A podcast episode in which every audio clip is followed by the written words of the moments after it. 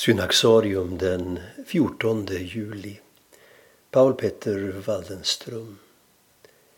Paul Petter Waldenström var en mångsysslare med en tydlig riktning i livet. Predikant, lärare, författare, tidningsredaktör, riksdagsman, bibelöversättare. I centrum för alla verksamheter stod budskapet om Guds godhet och nåd. Waldenström föddes i en läkarfamilj i Luleå 1838. Det givna kyrkliga sammanhanget var Svenska kyrkan. Men redan i tonåren sökte sig Waldenström mot den tidens väckelse. Husmöten inom den så kallade gammalpietistiska rörelsen. Här presenterades Gud som en sträng domare som bara tack vare Jesu offer förmådde se bort från människans synd. I Svenska kyrkan dominerade liknande tongångar och bilder. Waldenström brottades vidare med frågor om sin egen synd, Guds nåd och hurdan Gud egentligen var.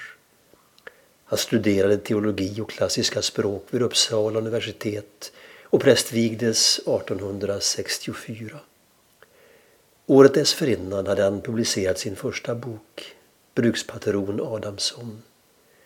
Det var en allegori över det kristna livet med budskapet att Guds nåd var detta livs verkliga kärna, inte våra egna gärningar eller vår förträfflighet.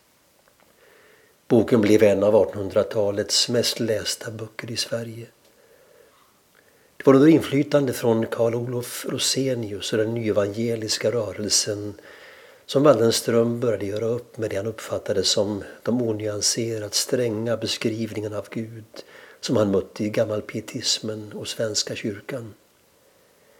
Efter Rosenius död tog Waldenström över redaktörskapet för tidningen Pietisten och framstod då som den nyevangeliska väckelsens ledare.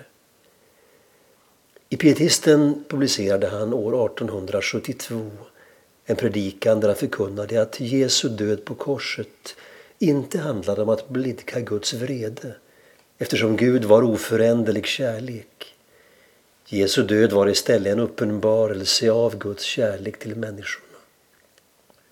Många uppfattade att Wallenström nu hade gått för långt och att han trivialiserade synden men hans ensidighet kom ur en längtan att förkunna Guds kärleksfulla faderskap för ett folk som enbart lärt känna Gud som sträng domare.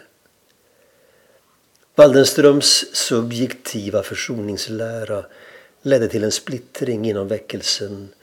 År 1878 bildades Missionsförbundet som ett av de första svenska frikyrkosamfunden. Waldenström var dess förgrundsgestalt fram till sin död år 1917.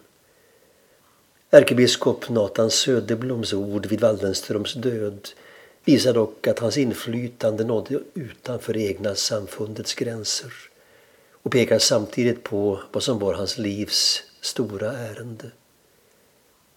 Waldenström lämnar ett nytt och mer evangeliskt gudsbegrepp i arv åt Sveriges folk, sa Söderblom.